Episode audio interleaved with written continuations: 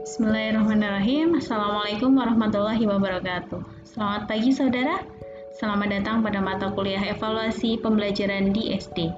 Saya Fitri Alfarisa adalah dosen evaluasi pembelajaran yang akan membersamai saudara dalam mata kuliah ini. Bagaimana sebenarnya cara mengevaluasi proses pembelajaran yang dilakukan di dalam kelas, khususnya di SD? Nah, pada mata kuliah evaluasi pembelajaran di SD ini, saudara-saudara akan dibekali pengetahuan tentang konsep evaluasi pembelajaran di SD yang meliputi perbedaan pengukuran, penilaian dan evaluasi, prinsip-prinsip evaluasi pembelajaran, tujuan evaluasi pembelajaran, sampai dengan prosedur evaluasi pembelajaran.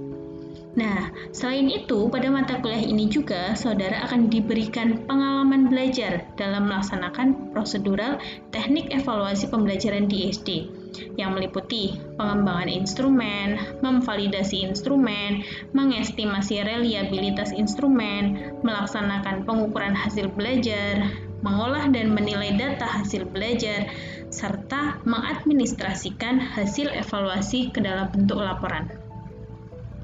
Nah, saya kira cukup sampai di sini.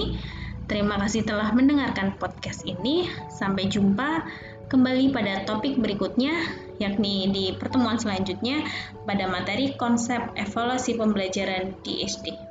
Wassalamualaikum warahmatullahi wabarakatuh.